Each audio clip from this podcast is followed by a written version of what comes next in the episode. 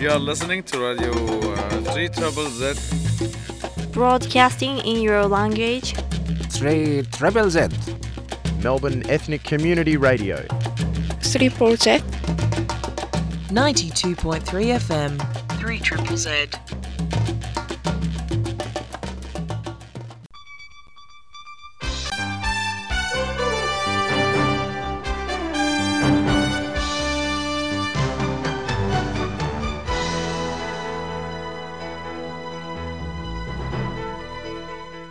Neues von der jüdischen Welt.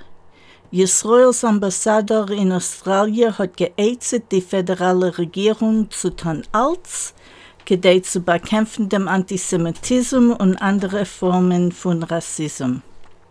Der Premier von New South Wales hat getadelt ein MP von seiner Labour-Partei für Fragezeichen unter Filmen, welche weisen wie ein anti-israelische Gassendemonstration, wo Demonstranten haben ausgerufen zu vergassen die Jiden, ist vorgekommen dem 9. Oktober in Sydney.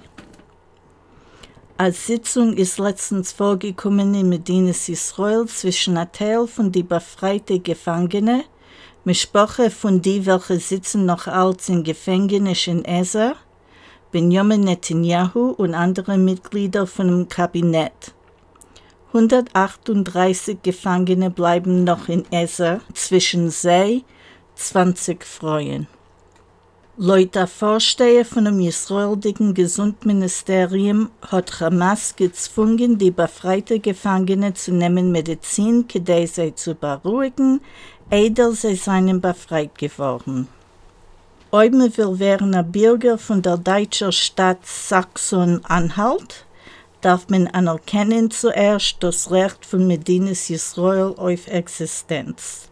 Die beiden Regierungen in Amerika sorgt, als sie wird nicht hereinlassen in Land als solche, welche stellen sich gegen Scholem, Sicherheit oder Stabilität auf ein Meerebreg, Jeden oder Palästina. Sie wird euch verwehren, die welche begehen Gewaltakten. Die Mischproches von den Menschen stehen euch in Sakone nicht reingelost zu werden. Norman Lear, der Televisionproducer von vielen Amerikaner Televisionprogrammen bemächtigt von den 1970er Jahren, ist gestorben in Amerika in Alter von 101 Jahren. Israels Mission zu den Vereinigten Völkern hat organisiert eine Konferenz wegen Beschuldigungen von Vergewaltigungen mit der Hamas-Terroristen.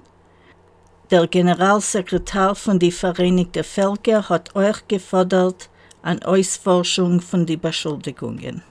Der erste jüdische Universität in Durham, Amerika, geht sich öffnen in 2024 in Buenos Aires in Verbindung mit dem konservativen Rabbinerseminar in Argentinien.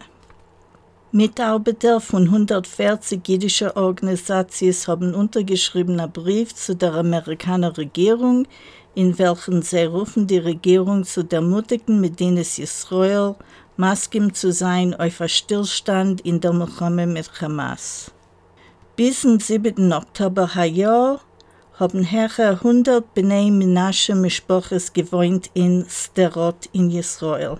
Jetzt seien die Mehrheit von den Mischboches in Jerusalem. You are listening to Radio uh, 3 Trouble Z. Broadcasting in your language. 3 Triple Z. Melbourne Ethnic Community Radio. 3 Z. 92.3 FM. 3 Triple Z.